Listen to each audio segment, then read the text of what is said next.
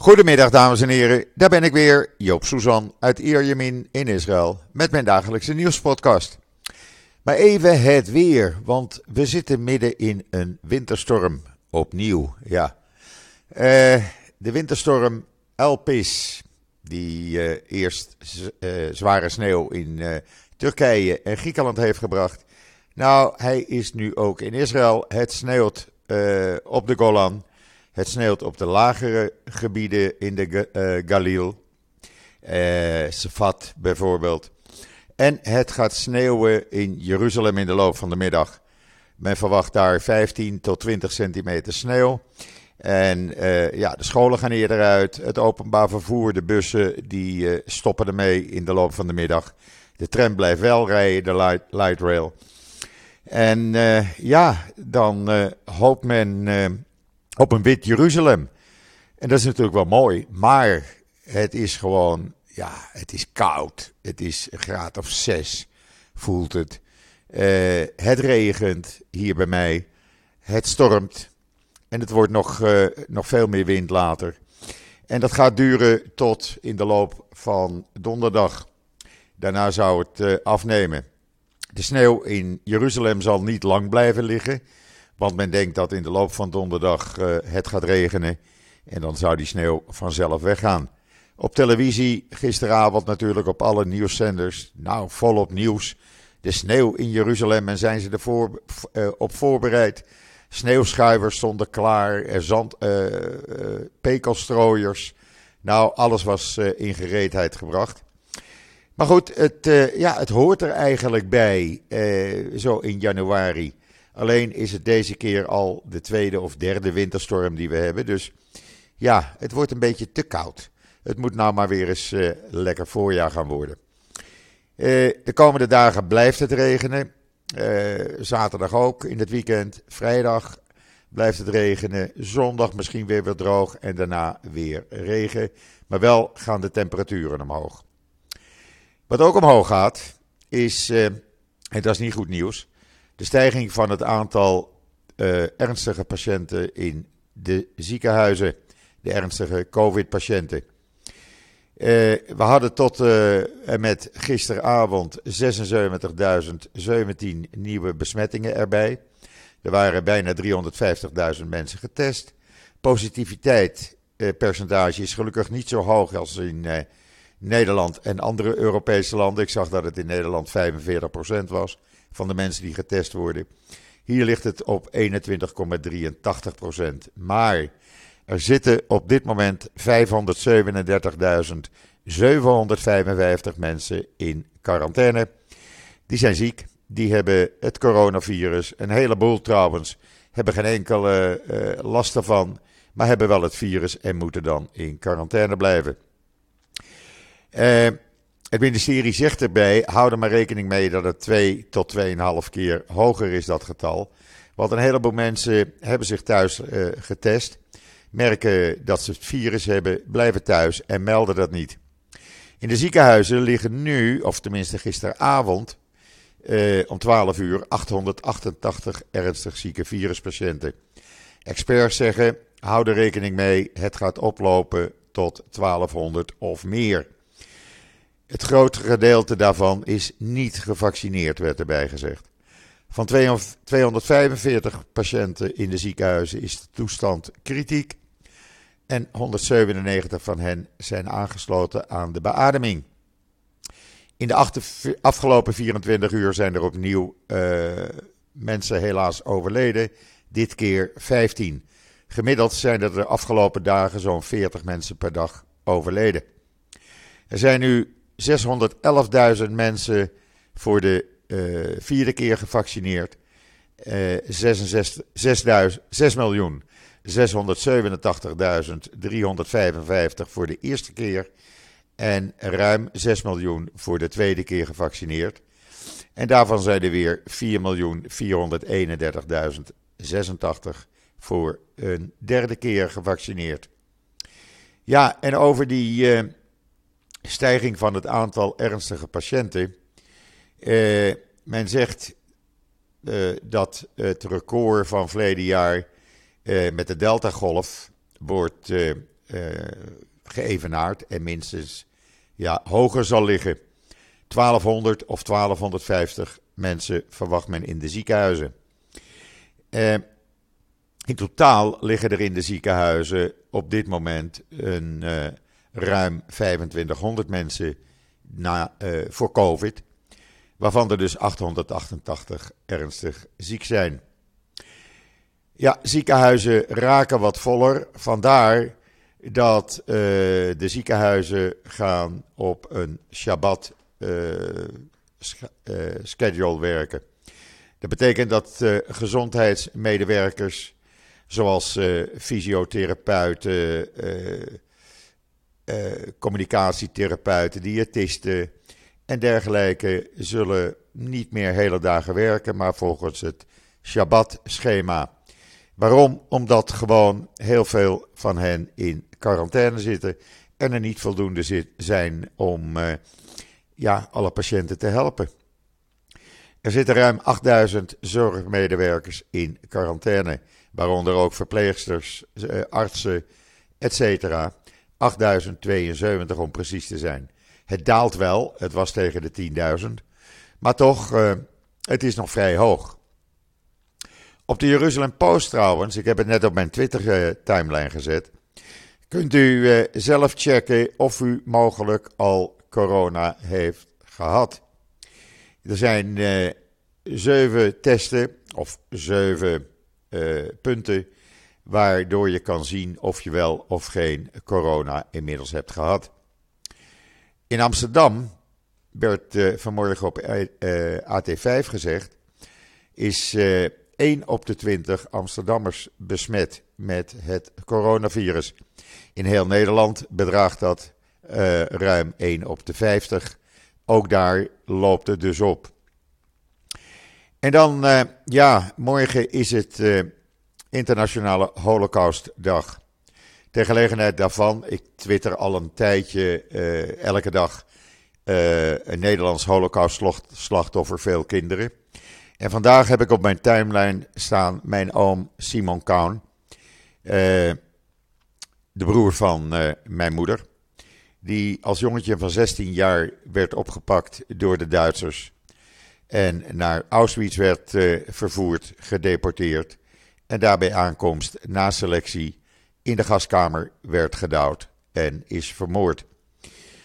Uh, ja, ik vind dat de enige manier is om uh, zijn herinnering levend te houden. En de herinnering aan al die 6 miljoen vermoorde onschuldige Joden. Ter gelegenheid van Internationale Holocaust Day eert uh, het JNF KKL de levens van diegenen die tijdens de Holocaust zijn omgekomen en opent het Nationale Archief.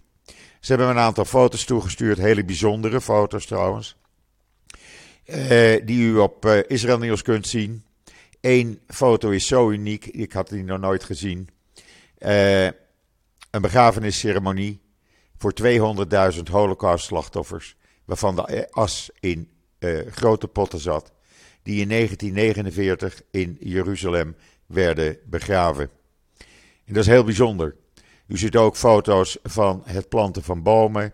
6 miljoen bomen voor ieder holocaustslachtoffer. één. En dan, wat ook bijzonder is, de voorzitter van de Knesset, Mickey Levy, is in Duitsland. Hij gaat morgen op Internationale Holocaust Day in de Duitse Bondsdag een toespraak in het Hebreeuws houden. Dat is voor het eerst dat er in de Duitse uh, Bondsdag een Hebreeuwse toespraak wordt gehouden. En uh, heeft gisteren uh, de, Bondsdag al bezocht, heeft ontmoetingen gehad met allerlei ministers en met voorzitter van de Bondsdag, et cetera, et cetera. Het hele verhaal met foto's kunt u zien in, op israelnieuws.nl. Ik vind het bijzonder.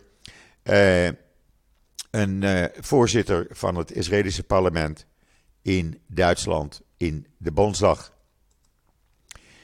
En dan president Herzog en zijn vrouw zijn uitgenodigd door de kroonprins van de Emiraten en gaan aanstaande zondag en maandag het uh, land bezoeken. Ze gaan naar Abu Dhabi, ze gaan naar Dubai. En wat heel bijzonder is, zij ontmoeten de feitelijke heerser van Dubai, Sheikh Mohammed bin Zayed Al Nahyan. En uh, andere hoge regeringsfunctionarissen. En ze brengen ook uh, een bezoek aan de Joodse gemeenschap. Daarnaast gaat hij ook, of gaan ze, want ze zijn uh, met z'n tweeën, de Expo 2020 in Dubai bezoeken, waar het Israëlische paviljoen is. Heel bijzonder, voor het eerst dat een president van Israël, het enige Joodse land ter wereld, naar uh, de Emiraten vliegt. Op uitnodiging van de heersers. En een officieel staatsbezoek brengt. Ik vind dat nogal wat. Ik vind dat heel bijzonder. En dan uh, op israelnieuws.nl een heel mooi artikel van onze vaste columnist Bas Belder die uh, een eerbetoon brengt aan de Joodse brigade. De Joodse brigade die in de Tweede Wereldoorlog meevocht aan de kant van de geallieerden. En uh, ja, dat is toch een bijzonder verhaal. Het is een heel lang verhaal. Bas uh, Belder is historicus. En ja, die weet dat als geen ander natuurlijk. ze waren ook betrokken uiteindelijk bij de onafhankelijkheid van Israël. Uh, als u geïnteresseerd bent, en ik zou dat zeker doen, uh, ga het artikel lezen, want het blijft bijzonder. En dan uh, heb ik veel reacties gekregen op het artikel gisteren wat ik plaatste over de pro-Palestijnse houding van de Nederlandse ambassadeur in Israël, Hans Dokter. dat heeft behoorlijk wat stof doen opwaaien. Niet alleen in Israël, maar ook in Nederland. Ik heb honderden reacties gekregen van ja, mensen die, allerlei, uh, die allemaal zeiden eigenlijk van Joop, dit kan toch gewoon niet. Uh, ten eerste hoort de heer dokter zich niet te bemoeien met binnenlandse aangelegenheden. En ten tweede was hij niet op de hoogte van de juiste feiten. Even een slokje water. Hou dan je mond. Als u wilt weten hoe dat zit, ga even naar uh, Israël dan uh, kunt u dat hele artikel nog eens even nalezen. En ziet u ook het document, het officiële Jordaanse document uit 1954, waarin staat dat de bewuste uh, huizen voormalig Joods eigendom waren en gepikt werden, ingepikt werden door de Jordaniërs en verhuurd aan Palestijnen of Arabieren. Want Palestijnen bestonden toen nog niet. Uh, die werden pas in 1964 door Arafat uitgevonden maar door aan, verhuurd aan Arabieren eh, die geen huur betaalden. En nu we het eh, toch erover hebben, iedereen die wel eens naar de Dode Zee is geweest en gereden heeft van Jeruzalem naar de Dode Zee, die ziet halverwege een Bedouine gehucht. Een aantal tenten en dat heet dan Kan al Achmar. Ja, dat moet daar weg. Dat, uh, dat is al jaren zo. En uiteindelijk wordt het dan gesloopt. Maar ga niet demonstreren. Op 300 meter afstand daarvan wordt het op uh, Israëlisch grondgebied herbouwd, precies zoals het was. Uh, dus men hoeft niet te gaan demonstreren van er wordt weer wat vernield van uh, Bedouinen. Het wordt allemaal herbouwd en men komt dus verder niets tekort. En dan vanmorgen waren er twee Palestijnen uit Gaza, waarvan eentje met een handgranaat uh, wilde uh, de grens met Gaza en Israël oversteken. Eigenlijk vanmorgen vroeg, het was nog donker. Maar het leger was alert en ze werden meteen gepakt op het moment dat ze over het grenshek probeerden heen te komen. En worden nu verhoord. Zo blijkt maar, je kan geen moment eventjes uh, je rug omdraaien. En dan iets heel bijzonders. Uh, het Boston Kunstmuseum gaat eindelijk een 17e-eeuws schilderij teruggeven aan de Joodse erfgenamen van de man van wie het gestolen was in de Tweede Wereldoorlog door de Duitsers. En wat nou bijzonder is, uh, dat het teruggegeven wordt, ja, dat gebeurt wel vaker. Maar het is een 17e-eeuws schilderij uit 1646 Gezicht op Beverwijk van Salomon Ruisdaal. En dan zal u zeggen, nou oké, so wat. Nou, het is het uh, gezicht op Beverwijk met de Wijkertoren daarop. En ik ben opgegroeid, uh, ja, met gezicht op die Wijkertoren. Wij woonden in de Baanstraat. En ik werd al door een aantal uh, ex-Beverwijkers of Beverwijkers vanmorgen uh, meteen uh, getackeld van Joop. Dat ken je toch wel? En natuurlijk ken ik het schilderij niet, maar de Wijkertoren, ja, dat is ja, wat Dam Square in Amsterdam is, zullen we maar zeggen. En de Wijkertoren hoort bij Beverwijk. En dat dit nu eindelijk wordt teruggegeven aan de Joodse erfgenamen, ja, dat vind ik wel bijzonder. Het hele verhaal uh, las ik op de Times of Israel trouwens. En zo zie je maar, een, klein, een kleine stad, een kleine stad, uh, ja, Beverwijk, het is geen wereldstad, toch even in het wereldnieuws, om het zo maar eens te zeggen. En dan werd ik door een van mijn volgers erop attent gemaakt dat er gisteravond op de Nederlandse televisie een documentaire was te zien uh, onder de naam Wiedergoed. En dat is een roadtrip door Nederland en Duitsland om te kijken hoe de huidige bewoners omgaan met het verleden van de Jodenvervolging. Ik heb hem nog niet gezien. Ik kreeg het vanmorgen toegestuurd. Ik raad u aan, ga eventjes naar uh, eh, 2doc.nl uh, en daar uh, vind je die video. En dan ter gelegenheid van uh, Internationale Holocaust Day kan je op uh, Yad Vashem, uh, ja, je kan uh, naar de Join I Remember Wall toe. Dat is een virtuele herinneringsmuur. En daar kan je je verbinden met een van de Joodse slachtoffers die door de Duitsers in de gaskamers zijn vermoord. Je kan een naam intikken, je kan een land intikken, Nederland bijvoorbeeld. En dan krijg je veel Nederlandse families.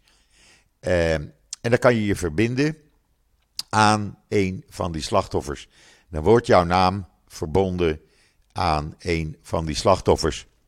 Uh, ze hebben daar een hele database natuurlijk in Yad Vashem.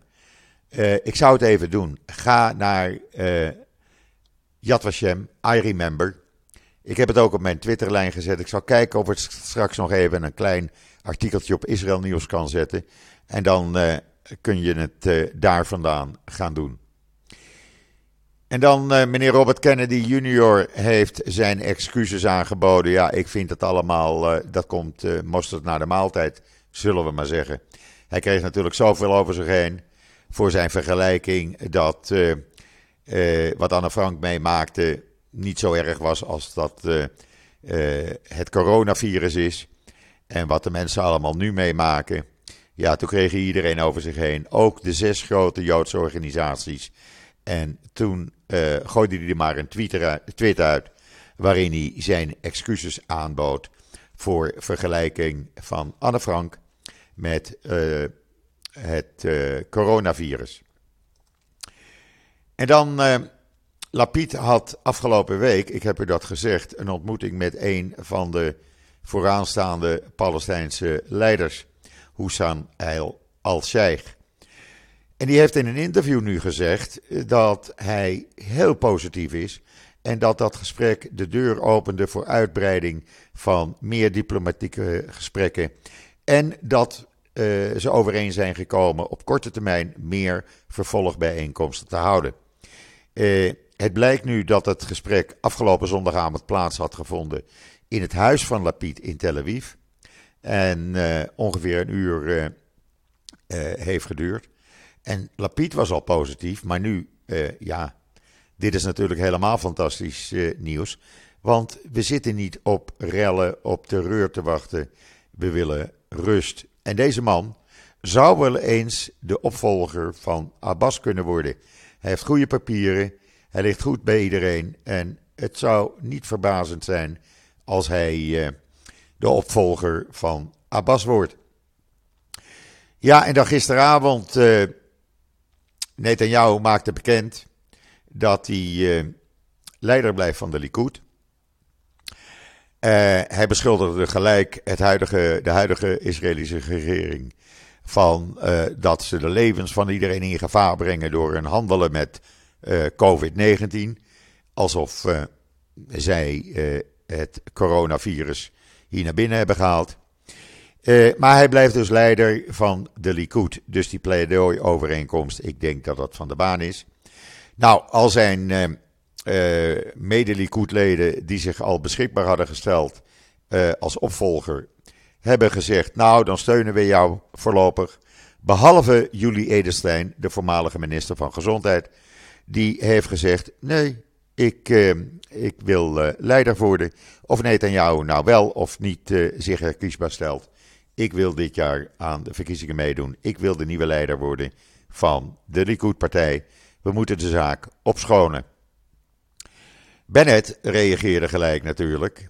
En die zei van uh, tegen Netanyahu op zijn kritiek over het beleid.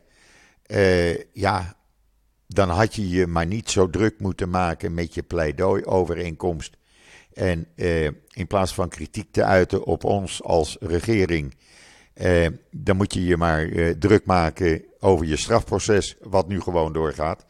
En volgende week komt daar een hele belangrijke getuige, een van zijn voormalige topassistenten. Die komt een boekje open doen over hoe het dan allemaal ging. Eh, jou had ook onder andere gezegd dat eh, er geen lockdown hier was geweest. Dat had wel gemoeten. En dat uh, kinderen niet worden gevaccineerd. Nou, kinderen kunnen gevaccineerd worden. Alleen de ouders willen het niet. En Bennett en zijn regering zegt: wij gaan niemand verplichten om uh, kinderen te laten vaccineren. Dat is een beslissing van de ouders. Uh, het toont een beetje dictatorschap van Netanyahu, vinden een heleboel. En ik moet daar eigenlijk wel mee eens zijn. Je kan mensen niet verplichten uh, te worden gevaccineerd en helemaal niet verplichten uh, om ouders te dwingen hun kinderen te vaccineren. Ja, en dan wachten we op wat hier verder gaat gebeuren als ik uitkijk over zee op dit moment. Nou, je wil het niet weten, maar ik zie alleen maar grote witte schuimkoppen op het water. Dat betekent dat die wind behoorlijk aan het toenemen is. Uh, ik denk niet dat het bij ons gaat sneeuwen. Het zou uh, boven in het vriespunt blijven vannacht. We krijgen wel hagel. En ja, de plaatjes en de video's van Jeruzalem, zodra ze beschikbaar zijn, zodra ik ze krijg, u krijgt ze allemaal te zien. Want Jeruzalem in de winter, in sneeuw, ik heb het meegemaakt toen ik uh, in het begin uh, daar woonde in 2006. En toen ik ging samenwonen. Toen woonden we in Jeruzalem. En toen hadden we ook heel veel sneeuw. En toen hebben we gewoon drie dagen. Ja, je kon geen auto rijden. Want alleen de belangrijkste toegangswegen werden vrijgemaakt. En de rest van de straten, ach, het smelt wel weer. En dat is toch wel bijzonder als je door de sneeuw naar de klaagmuur loopt en alles wit is. Ik hoop dat de plaatjes doorkomen vanavond en morgenochtend. U krijgt ze allemaal van mij te zien. Dit brengt mij tot het einde van deze podcast van woensdag de 26 uh, januari. Ik ga de keukentafel vanavond afstoffen, schoonmaken. En ik ga morgenochtend verse koffie zetten. Nou, dan weten we al wat er gaat gebeuren. Morgen is de podcast samen met Esther Voet, hoofdredacteur van het NIW. En we gaan het over van alles en nog wat hebben. We gaan daar vanavond eens even uitgebreid over praten, Esther en ik. En uh, u bent van, alle, van harte welkom uitgenodigd om gezellig bij ons morgenmiddag aan die keukentafel aan te schuiven. Dus hou er maar tijd voor vrij. Ik uh, wens u allemaal nog een fijne voortzetting van deze dag. Ik ben er morgen weer. En zeg zoals altijd: tot ziens, tot morgen.